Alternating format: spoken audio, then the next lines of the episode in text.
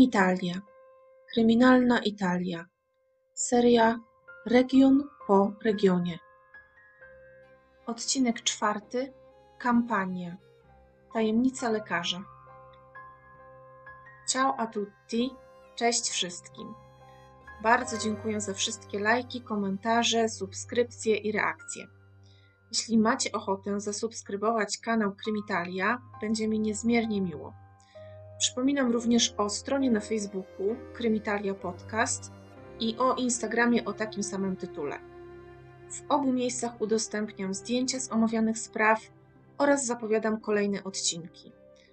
Jeśli więc tylko macie chęć, zapraszam serdecznie. Dzisiaj zostajemy na południu Włoch, ale przenosimy się nieco bardziej na północny zachód w stosunku do Kalabrii, w której gościliśmy przy okazji poprzedniego odcinka. Jesteśmy w najbardziej zaludnionym regionie południowych Włoch z piękną stolicą Neapolem, czyli w Kampanii. Zobaczyć Neapol i umrzeć, powiedział kiedyś Goethe.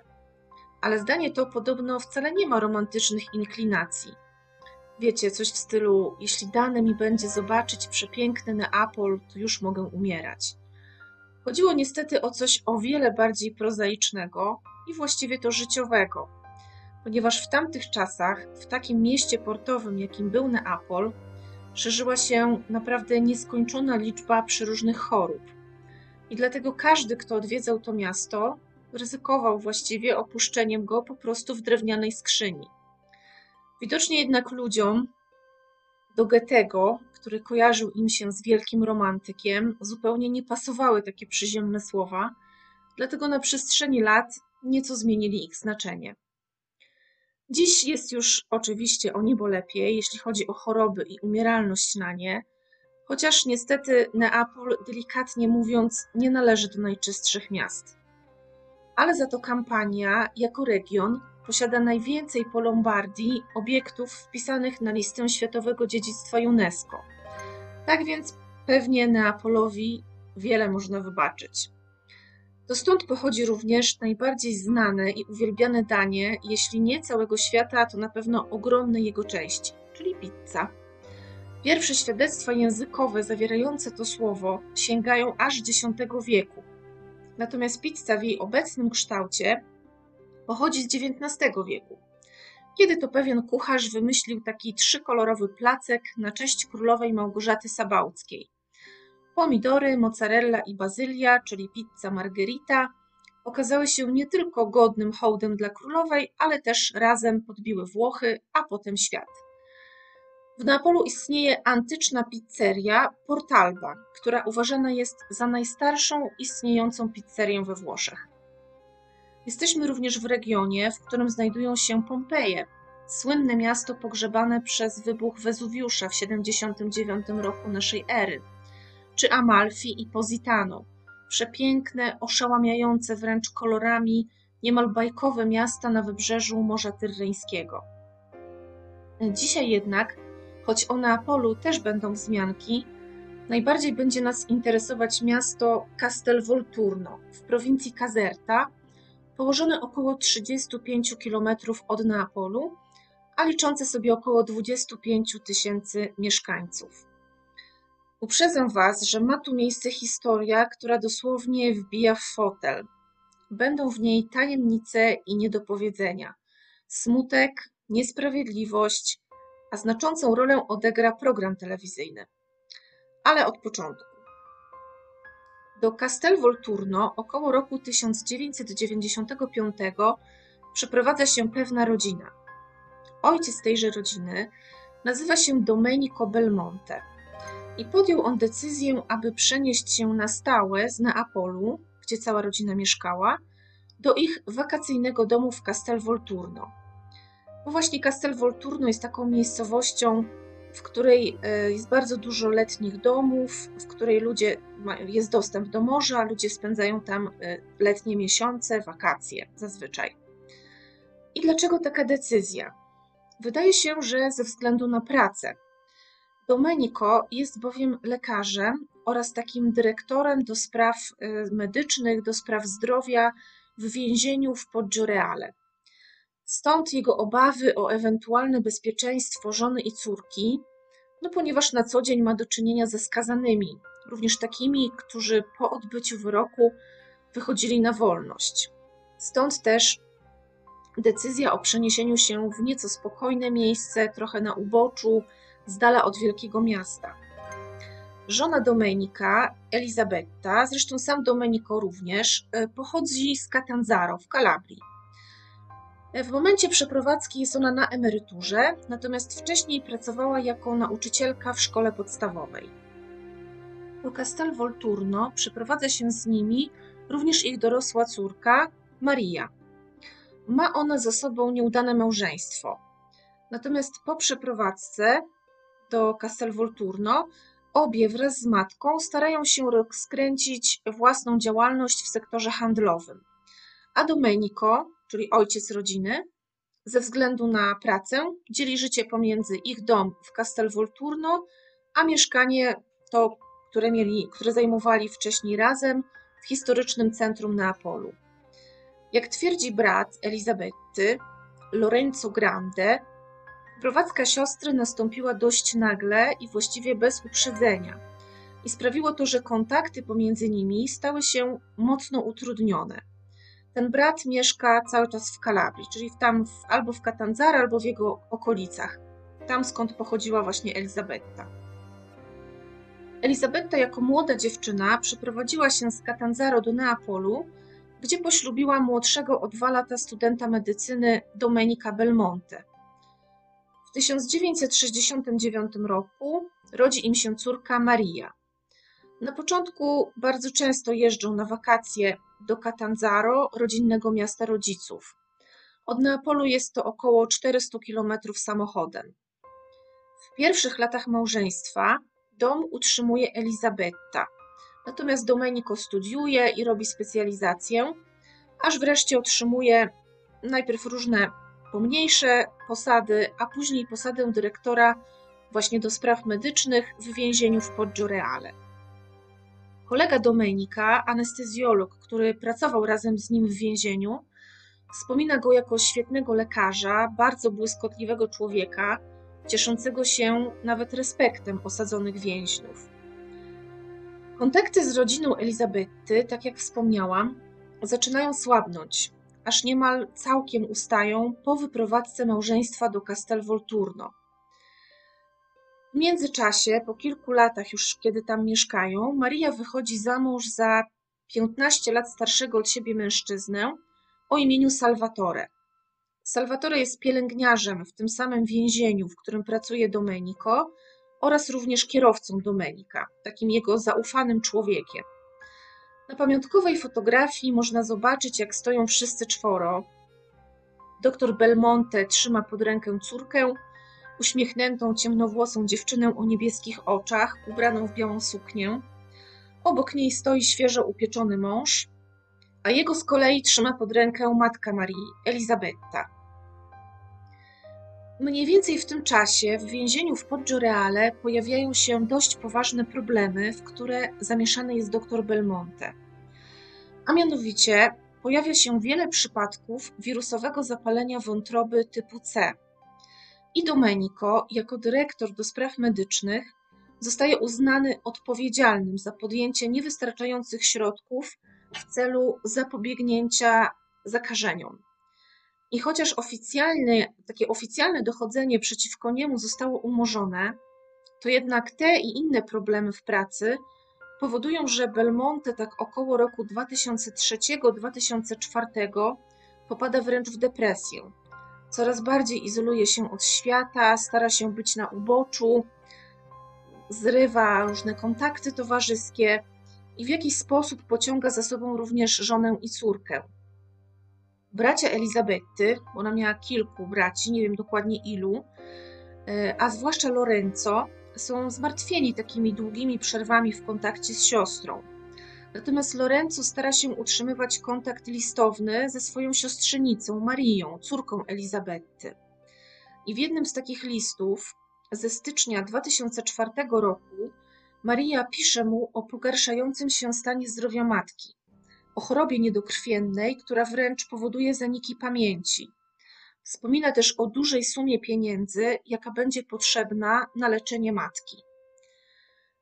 Po tym liście, który jak się okazuje jest ostatnim listem, jaki Lorenzo dostaje od Marii, mamy już 2004 rok i wtedy też w tym roku po Marii i Elizabecie przepada wszelki ślad. Maria ma wtedy 35 lat, a Elizabeta 65. Co jest szokujące, dokładna data ich zaginięcia nie jest nikomu znana, ponieważ ojciec i mąż Domenico Belmonte nigdy oficjalnie nie zgłosił ich zaginięcia. Przez wiele kolejnych lat twierdził, że obie kobiety po prostu go zostawiły i wyjechały z własnej woli, a dla mężczyzny według niego jest to wstyd i ujma na honorze, dlatego po prostu przestał o tym w ogóle mówić i nigdzie tego nie zgłaszał. Co więcej, nie zaalarmował również bliskich z rodziny, przykład szwagra Lorenza i jego żony Marii Grazzi, czy innych braci, których miała Elizabetta. Do tych braci pozostałych też Domenico się nie odezwał. Lorenzo Grande w 2008 roku, czyli 4 lata po zaginięciu swojej siostry i siostrzenicy, próbuje się dodzwonić do tego domu wakacyjnego w Castel Volturno, ale odbiera jakaś kobieta. Jemu się wydaje, że jest to matka byłego zięcia Domenica, Salvatore. Pamiętacie, że Maria była w kilkuletnim związku małżeńskim właśnie z e, pielęgniarzem i kierowcą ojca, z tym Salvatore. Więc Lorenzo uważa, że to odebrała ta właśnie matka tego byłego zięcia Domenika. I niedługo potem, po tym telefonie, z którego tak naprawdę nic nie wynika, e, do Lorenza przychodzi SMS od Domenika, który informuje go, że od kilku lat nie ma kontaktu ze swoją żoną i córką. Lorenzo oczywiście próbuje oddzwaniać na ten numer, z którego przyszedł SMS, ale nikt już nie odbiera. Wróćmy teraz na chwilę do byłego zięcia doktora Belmonte. Nazywa się on Salvatore Di Maiolo i on z kolei utrzymuje, że po rozstaniu w 2001 roku, to jest właśnie data, kiedy ich małżeństwo się zakończyło, ale nie wiem, czy oficjalnie, czy to była tylko separacja. W każdym razie od 2001 roku nie byli już razem. Więc on twierdzi, że od tego 2001 roku przestał zupełnie interesować się byłą żoną i byłą teściową, dlatego też również nie zrobił nic w sprawie ich zaginięcia. Jednak to nie wszystko. Jeśli mało Wam było znieczulicy i milczenia w poprzednich odcinkach, to niestety i tutaj będzie tego pod dostatkiem ponieważ z zaginięciem Marii i Elizabety nie robią nic także sąsiedzi z miasta, którzy tak naprawdę byli świadkami zniknięcia dwóch kobiet dosłownie z dnia na dzień, a które na pewno musieli znać choć z widzenia czy ze słyszenia. Tak jak wspominałam, po przeprowadzce do Castel Volturno matka z córką były w trakcie zakładania sklepu. Miał to być sklep sprzedający środki czystości i różne rzeczy potrzebne do sprzątania domu, takie jak jakieś mopy, szczotki, zmiotki itd. Tak Był już nawet wynajęte, było już nawet wynajęte miejsce pod ten sklep i podobno y, Maria i Elizabetta często rozmawiały o tym z ludźmi z miasta, aby poinformować ich, że coś takiego powstaje, żeby w ten sposób zdobyć klientów. Przez kolejne lata Domenico nie rusza samochodu Marii, który stoi zaparkowany w ogrodzie. Jest to ciemnozielone Citroën Xara.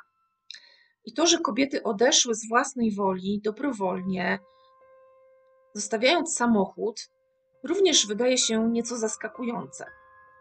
Co jeszcze bardziej zastanawia, to fakt, że w 2012 roku, tu trochę przeskoczymy do przodu, kiedy Lorenzo Grande, brat Elizabety, zgłasza się do programu Kila Visto, jest to nasz odpowiednik, ktokolwiek widział, ktokolwiek wie, tego samochodu już w ogrodzie nie ma. Twierdzi on, że był tam ten samochód na pewno jeszcze w 2008 roku, ponieważ Lorenzo widział go wtedy w ogrodzie, ale nie był też do końca pewien, czy jest ten samochód. No bo jak już mówiłam, te kontakty z siostrą, z siostrzenicą y, i ze szwagrem bardzo się rozluźniły, jeśli wręcz nie ustały.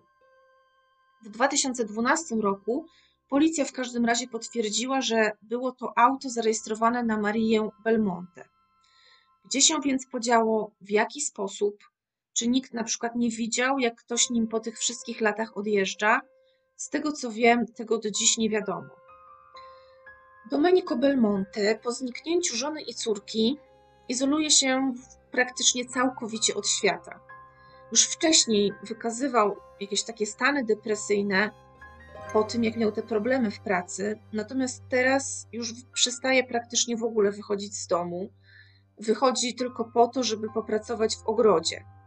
Nie robi zakupów, nie wydaje praktycznie żadnych pieniędzy, a ma sporą emeryturę i ta emerytura się tak kumuluje na tym jego koncie.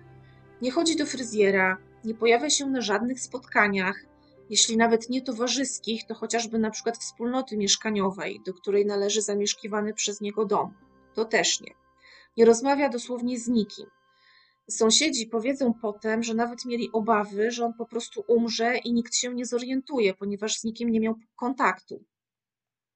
I mimo tego, że dr Belmonte cały czas utrzymuje, że żona z córką odeszły z własnej woli, na koncie Elizabety i Marii, było to, jak ustalono później, ich wspólne konto, cały czas jest wpłacana comiesięczna emerytura Elizabety, której nikt z tego konta nie wypłaca. Z czego więc żyją zaginione kobiety, jeśli odeszły i gdzieś mieszkają, gdzieś sobie ułożyły życie. Dodam, że w 2012 roku ta suma na koncie, jak ustalono, wynosi około 145 tysięcy euro, czyli nie jest tego mało. W 2008 roku brat Elizabety, Lorenzo Grande, zgłasza wreszcie zaginięcie siostry i siostrzenicy na posterunku karabinierów. Jednak z jakichś powodów, nie jest to wyjaśnione nigdzie z jakich, nikt nic z tym nie robi. Nie zaczyna się żadne śledztwo, nikt nie przychodzi do domu w Castelvolturno, nikt nie rozmawia z doktorem Belmonte. Dopiero w roku 2012, y, czyli 8 lat po zaginięciu kobiet, prawdopodobnie 8 lat, zgłasza ponownie tę sprawę oraz nawiązuje kontakt z programem Kilavisto. No i wtedy dopiero coś się rusza.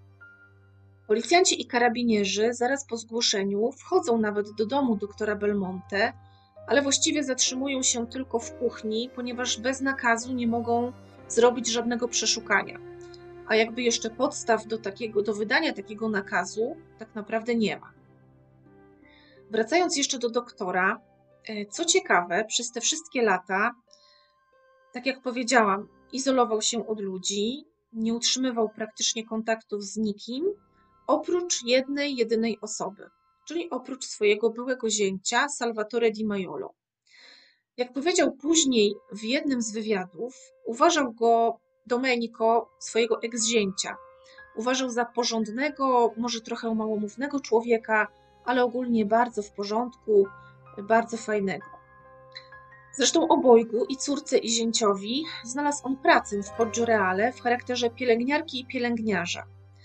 Marii chyba jednak ta praca tak do końca się nie podobała, bo dość szybko ją rzuciła i postanowiła otworzyć właśnie ten sklep ze środkami czystości.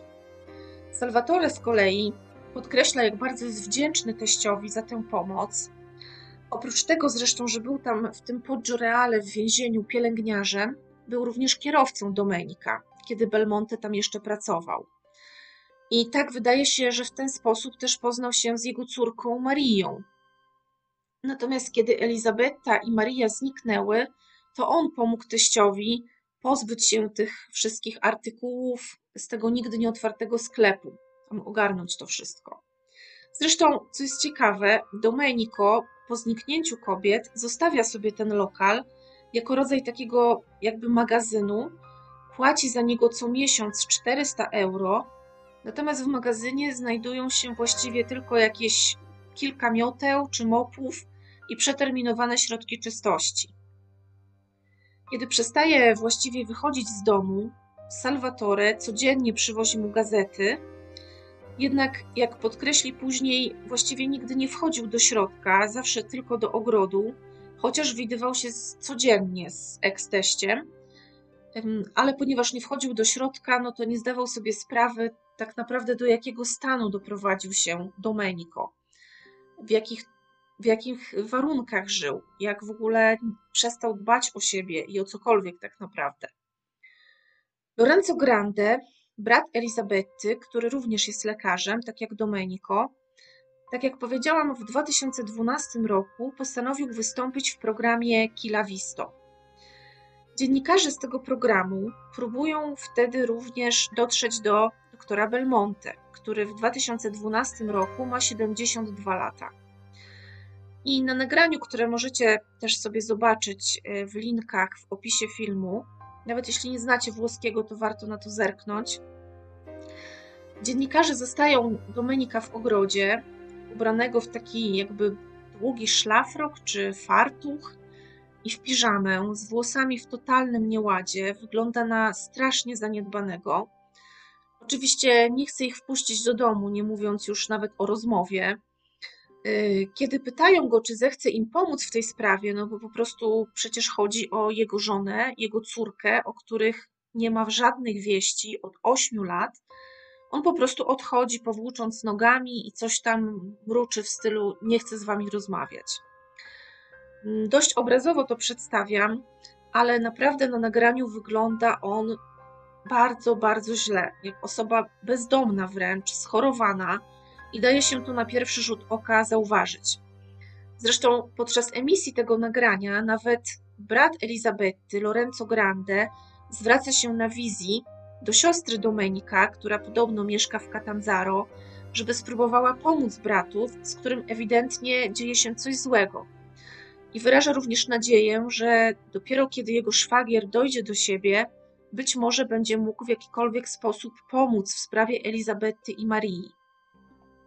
Podkreśla również bardzo, że jest w totalnym szoku, właśnie widząc szwagra w takim stanie, ponieważ zawsze pamiętał go jako człowieka bardzo eleganckiego, dobrze ubranego, dbającego o siebie. Nawet mówi, że nigdy nie widział go ani w szlafroku, ani w piżamie. Był to człowiek pełen energii i wigoru. Ta zmiana jest więc ogromna i przygnębiająca. W trakcie emisji tego odcinka na żywo prowadząca program zachęca widzów, zwłaszcza tych mieszkających w Castel Volturno i w okolicach, aby dzwonili na numer programu ponieważ wydaje się naprawdę niemożliwe, aby dosłownie nikt nie wiedział nic y, o zniknięciu z powierzchni Ziemi dwóch kobiet. Przecież chodziły one do sklepów, na jakieś spacery, może do kościoła, nie mam pojęcia. Rozmawiały o swoim sklepie, a jednak po przerwie okazuje się, że nie dzwoni nikt, nawet jedna osoba. Dlatego prowadząca jest wręcz w szoku.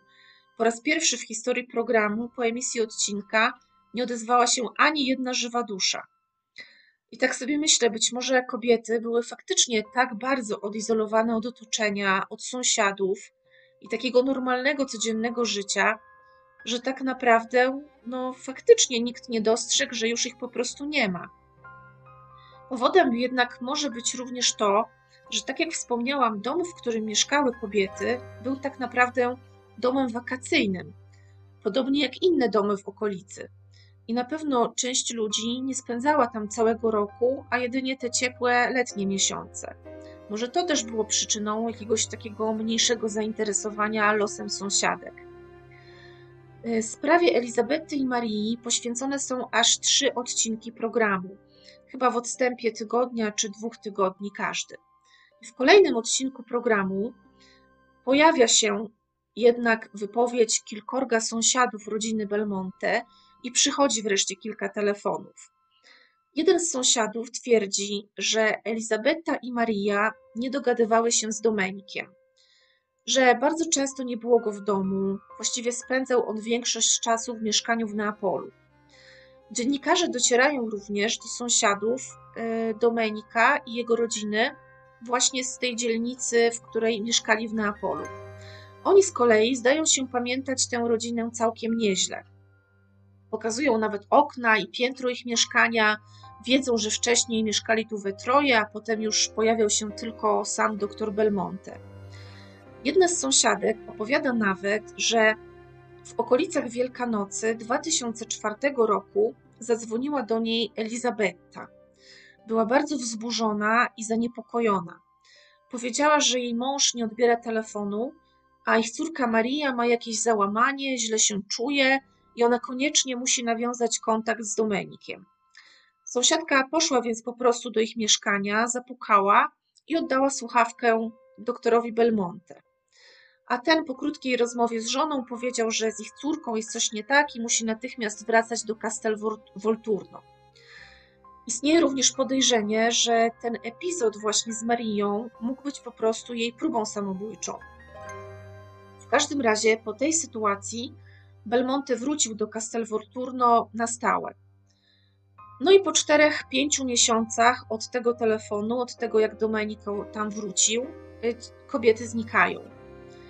Sąsiedzi podobno mm, starali się jakoś tam zagadywać doktora o żonę i córkę, ale ten im zawsze odpowiadał, że one wyjechały.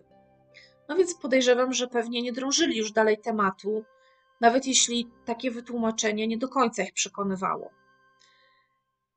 Powiedziałam wcześniej, że rodzina przyniosła się z Neapolu do Castel Volturno z powodu pracy Domenika.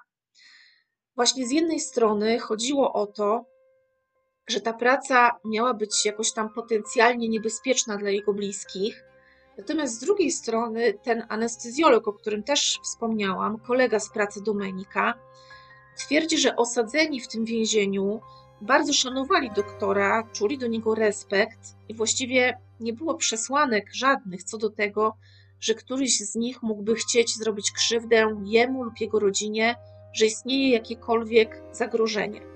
Także nie do końca wiadomo właściwie skąd była tak naprawdę ta decyzja o przeprowadzce. Na pewno jednak izolacja, w jakiej zaczęła żyć rodzina, nie wpływała dobrze na ich relacje.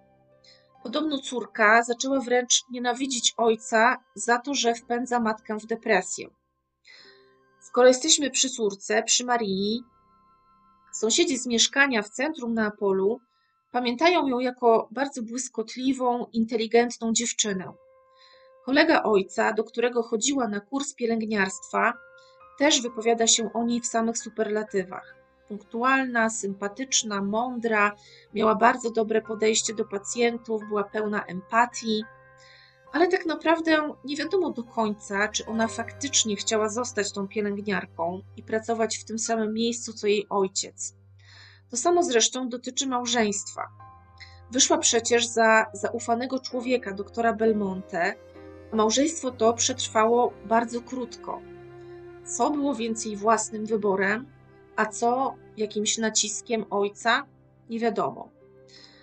Oraz skoro Elizabeta, ta matka, popadła w głęboką depresję, mieszkając w odosobnieniu w tym Castel Volturno, to dlaczego po prostu nie wrócili do Neapolu, dużego miasta, w którym kobieta czuła się o wiele lepiej, w którym wcześniej mieszkali? Bratowa Elizabety, Maria Grazia, żona Lorenza, tak, tego brata y, Elizabety, mówi, że rozmawiała z, ze swoją szwagierką zimą 2004 roku przez telefon. Zadzwoniła wtedy do niej, żeby powiedzieć jej y, radosną nowinę, ponieważ spodziewała się, dowiedziała się, że spodziewa się drugiego dziecka. Była bardzo szczęśliwa, wiadomo, nic dziwnego, jednak wspomina, że bratowa zareagowała, nie bratowa szwagierka. Ona była dla niej bratową, a Elizabeta była dla niej szwagierką.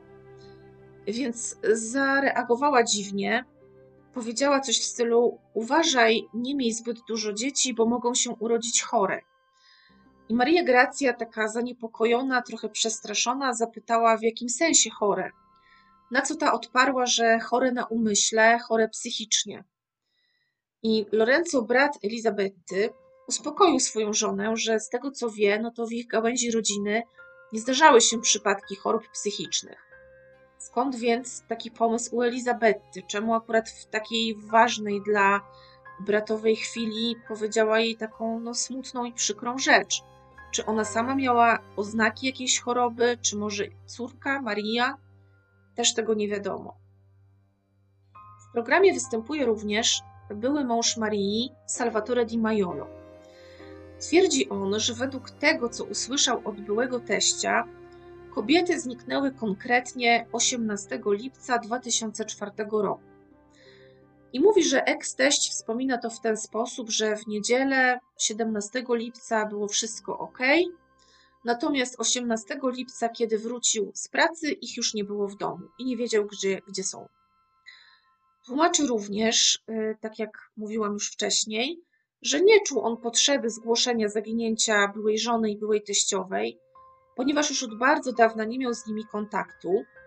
I skoro tata, tak się dokładnie wyraził, nie tam były teść czy Domenico, tylko tata, powiedział mu, że one wyjechały z własnej woli, no to uznał, że tak faktycznie było i że nie powinien nigdzie z tym iść.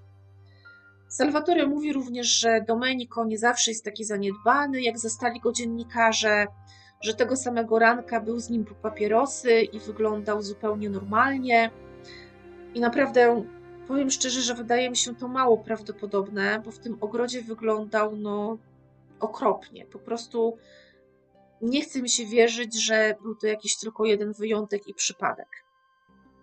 Salvatore dodaje również, że ex-teść jest jego najlepszym przyjacielem i że ma ogromną nadzieję, że on dla niego również tym przyjacielem jest. I zwraca się też oczywiście z apelem takim na wizji do ex-żony i do jej matki, żeby się odezwały, żeby po prostu dały znak życia. Pod naciskiem dziennikarzy z programu Kila Visto w listopadzie 2012 roku, czyli praktycznie zaraz po emisji programu, policja wreszcie wkracza do domu doktora Belmonte w Castel Volturno i robi przeszukanie. Pierwszy raz po ośmiu latach od zaginięcia Elizabety i Marii. I zgadnijcie co? Znajduje je. Matka i córka nigdy nie opuściły domu. Okazało, okazało się, że ich ciała były schowane we wnęce, znajdującej się pomiędzy piwnicą a garażem, dokładnie pod sypialnią doktora Belmonte. Czyli Domenico mieszkał i spał przez 8 lat tuż nad nimi. Straszne. Zostaje on oczywiście zatrzymany i oskarżony o zabójstwo i o ukrycie ciał.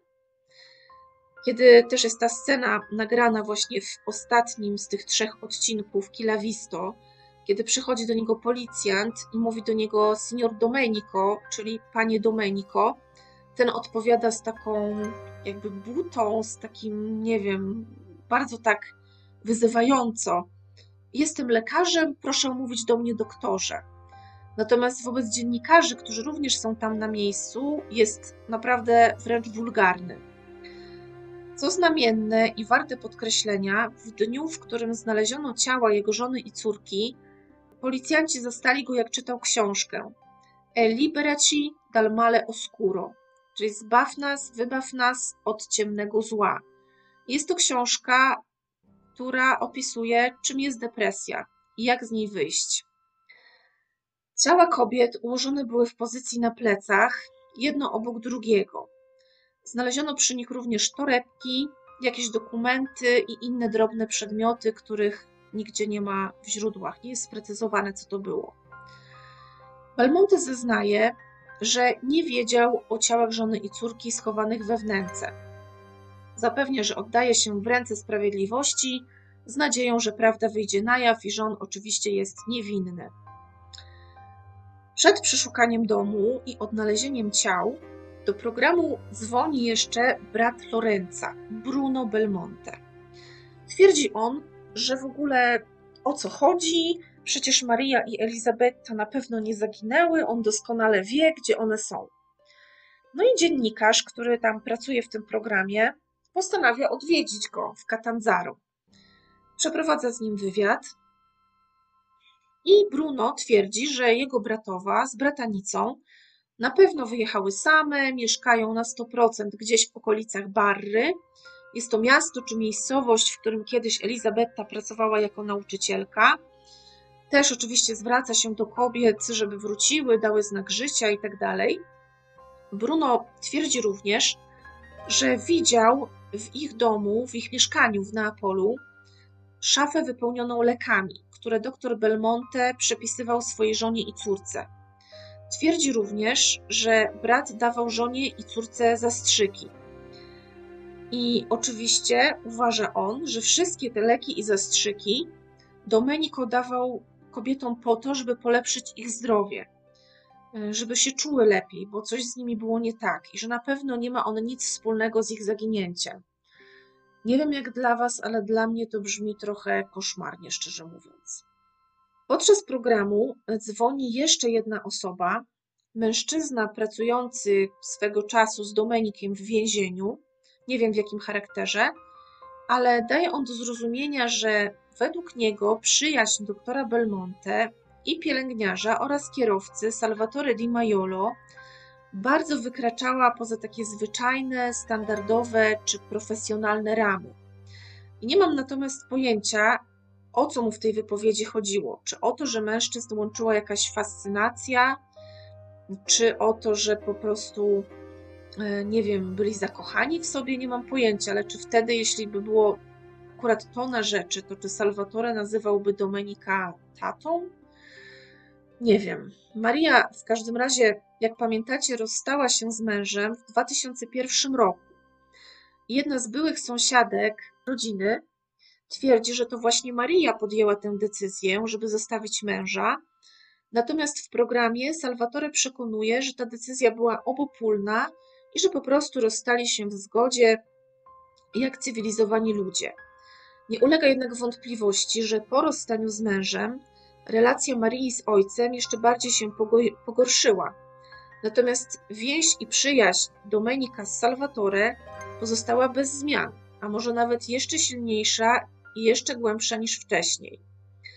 Co więcej, Salvatore Di Maiolo twierdzi, że od roku 2002, czyli mniej więcej rok po rozstaniu z Marią, nie miał żadnych kontaktów ani z Marią, ani z Elizabetą, mimo że codziennie przyjeżdżał pod ich dom, aby zabrać Domenika do pracy do Poggioreale, a potem odwieźć go z powrotem na miejsce do domu. Jednak wszyscy inni świadkowie twierdzą coś zupełnie innego. Twierdzą oni, że Domenico w tych latach, czyli tam po 2001 roku, nie mieszkał już w Castel Volturno, ponieważ te relacje z żoną i córką były tak złe, że praktycznie no, był w separacji z żoną. Zamieszkał osobno w Neapolu, w tym ich poprzednim mieszkaniu.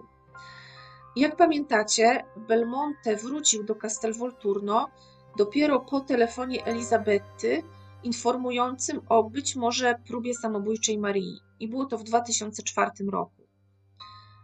Po przesłuchaniu doktora Belmonte, z którego właściwie nic nie wynika, twierdzi on cały czas, że nie wie jak ciała się tam znalazły, nie czuł zapachu rozkładających się ciał, po prostu nic nie wie.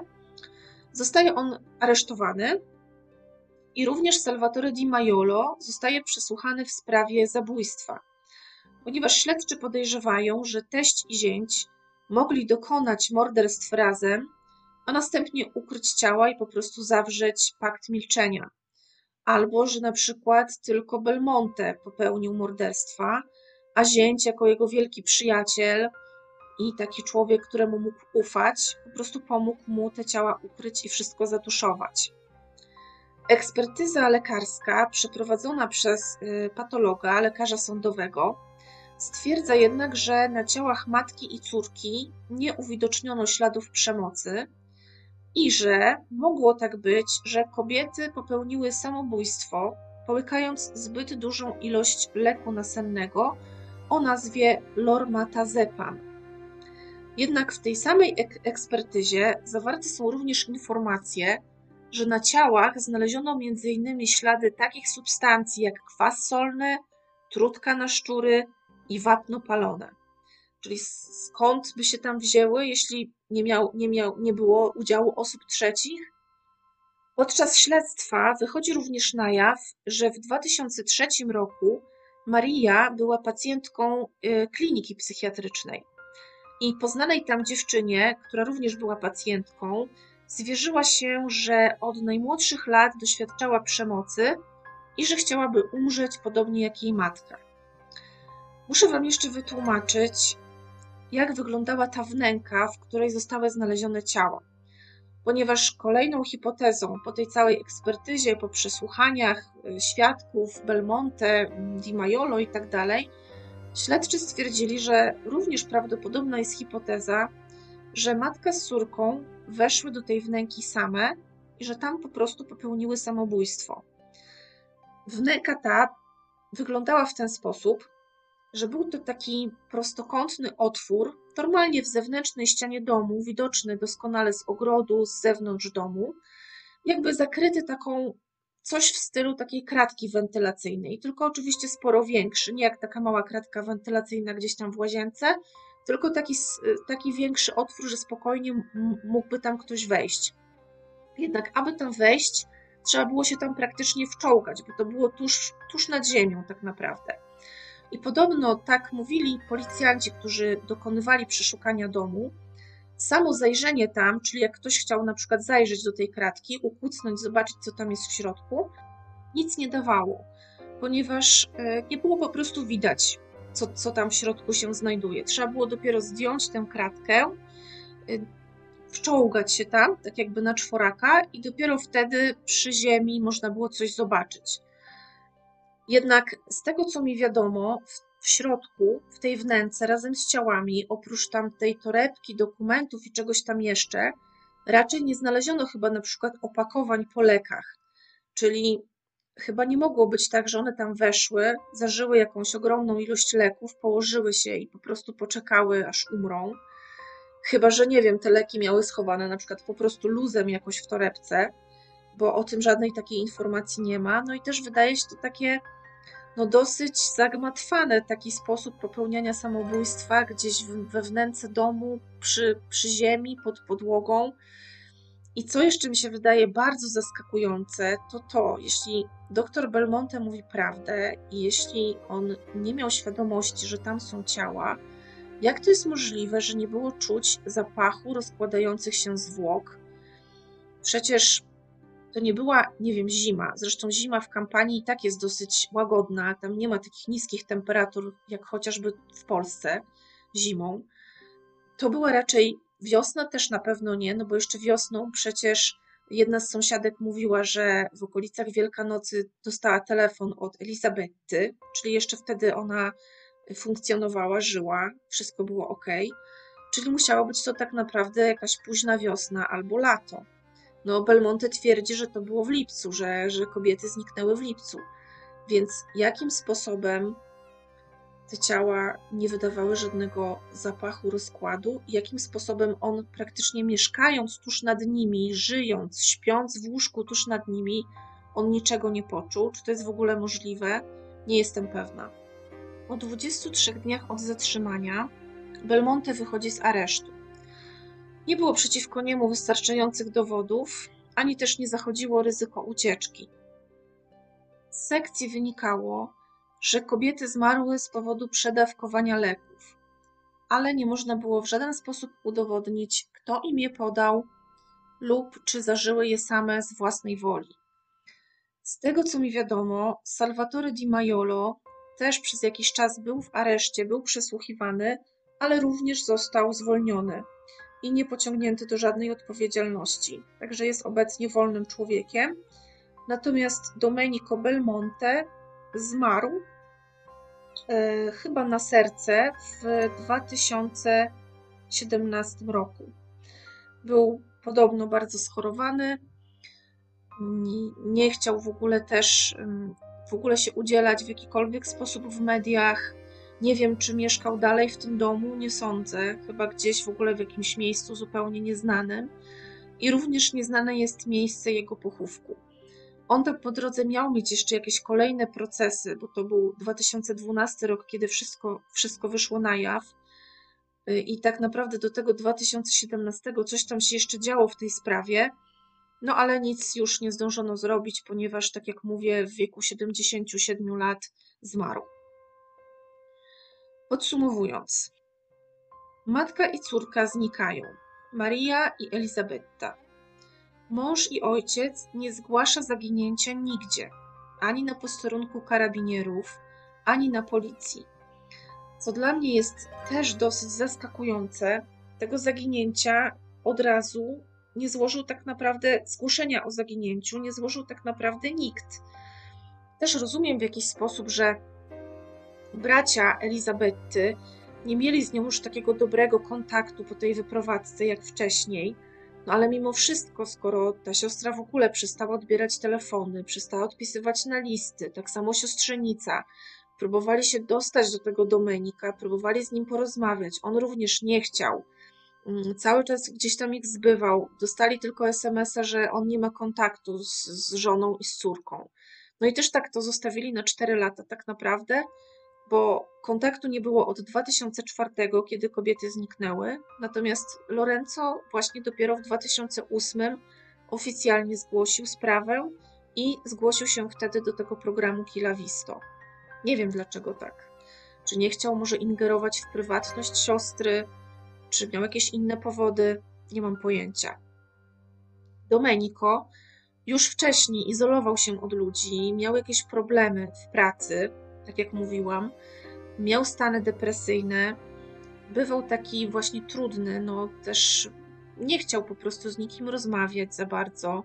Często wyjeżdżał do tego swojego mieszkania w Neapolu, zostawiał tę żonę i córkę w tym Castel Volturno.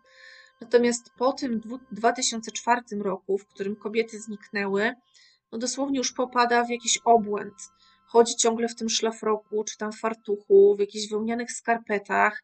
I jak mówią sąsiedzi, którzy gdzieś tam go obserwują za furtki, tym ogrodem to zajmuje się dosłownie kompulsywnie. Codziennie coś tam grzebie, coś tam kopie i widzę go tylko i wyłącznie w towarzystwie jego byłego zięcia, z którym jako jedynym utrzymuje cały czas kontakt, rozmawia, razem robią zakupy. Jak twierdzi ten zięć, nawet chodzili czasem do baru na kawę. W każdym razie widują się praktycznie codziennie. W ogrodzie cały czas stoi ten Citroen Marii. Czy to też nie było dla nich zaskakujące, jeśli mówią prawdę, że myśleli, że kobiety wyjechały, że ten samochód tam stoi, no to jak wyjechały? No, czy nie łatwiej byłoby im po prostu wziąć samochód i gdzieś podjechać, niż po prostu, nie wiem, iść na nogach z walizkami, bo chyba musiały coś wziąć ze sobą, skoro wyjechały. Nie wiem, dlaczego sąsiedzi się nie interesowali. Ja rozumiem, taka ingerencja w życie prywatne czyjeś, no nie jest zazwyczaj mile widziana, wiadomo, każdy chce mieć swoją prywatność, no ale czy nie wydało się to nikomu, absolutnie nikomu dość dziwne, że były dwie kobiety i nagle z dnia na dzień tych kobiet nie ma, że mąż i ojciec zaczyna zachowywać się co najmniej dziwnie, że izoluje się od ludzi, że wygląda jak bezdomny, że zachowuje się no naprawdę tak jakby coś przeżył, jakby coś strasznego się stało, tak można też to od, odczytać i też nikt nic z tym nie robi. Podobnie jak zięć, tak, ex-zięć y, Domenika, no też to była jego była żona, to była jego była teściowa, no ale z tym ojcem, z tym teściem miał cały czas świetny kontakt. Jak twierdzi, to jest jego najlepszy przyjaciel. Powiedział dosłownie tak te słowa, tak? Powiedział te słowa w programie, że Domenico jest jego najlepszym przyjacielem i ma nadzieję, że on dla niego również. Czyli jest to dla mnie no, naprawdę zaskakujące, że wiedział, że jego była żona tam mieszkała cały czas, wiedział, że jest tam jego była teściowa i nagle ten teść mówi, no wiesz, one wyjechały i ja nic z tym nie będę robił, bo one na pewno wyjechały z własnej woli. No też mi się to wydaje trochę, mm, trochę szokujące, że nawet jeśli nie, nie poszedł od razu na policję, czy, na, czy gdzieś oficjalnie to zgłosić, to przynajmniej jakoś podrążyć temat, sprawdzić, czy, czy przypadkiem coś złego im się nie stało. Może nawet w drodze, bo niekoniecznie musiało im się stać coś w domu. Może, nie wiem, skoro wyszły, gdzieś wyjechały, może miały jakiś wypadek, nie wiem, dzwonić po szpitalach, szukać, zgłaszać się do gazet. No strasznie dziwne, że nic po prostu z tym nie robiono, kompletnie. Ani rodzina, ani znajomi. Kolejne sprawy, kolejne rzeczy dziwne, no to te mm, jakby takie mm, przesłanki o chorobach kobiet. Tak, że są jakieś takie dane, które wskazują na to, że one mogły coś, y, coś mieć, y, jakieś problemy. Maria była w klinice psychiatrycznej, Elizabetta miała depresję, podobno właśnie spowodowaną tą całą izolacją. No ale też tego nie rozumiem. No, skoro było to takie ciężkie, to mieszkanie w tym Castel Volturno, właśnie dlaczego one cały czas tam były? Czemu chociażby we dwie się gdzieś nie przeniosły? Przecież nie musiały chyba być aż tak bardzo uzależnione od Domenika, zwłaszcza, że z tego, co mi wiadomo, Maria miała pieniądze i Elizabeta też miała pieniądze, ponieważ na tym koncie, na którym kumulowała się emerytura, no była niemała suma, tak 145 tysięcy euro, które tam było już po tych czterech latach, czy ośmiu, już nie pamiętam. No to jest całkiem, całkiem niezła suma pieniędzy, więc miały z czego czerpać środki na utrzymanie ale oczywiście tutaj nie chcę wchodzić w jakieś psychologiczne zależności, bo wiadomo, że to są czasem takie sprawy, o których zupełnie ludzie stojący z boku nie mają pojęcia. Może to być nawet jakiś syndrom sztokholm, sztokholmski. Maria zresztą powiedziała tej swojej y, koleżance, którą poznała w klinice psychiatrycznej, że doświadczała przemocy od najmłodszych lat, ale nie wiadomo jakiego rodzaju to była przemoc, też nie jest to sprecyzowane, czy to była przemoc psychiczna, czy fizyczna, czy seksualna, czy wszystkie naraz nie mam pojęcia. To też przepisywanie leków. To tak naprawdę ta informacja pochodzi tylko z tego, co mi wiadomo, od brata y, Domenika, tego Bruna Belmonte, który twierdzi, że w Neapolu widział całą szafę z lekami, że one cały czas coś brały, Maria i Elizabeta, że były chore.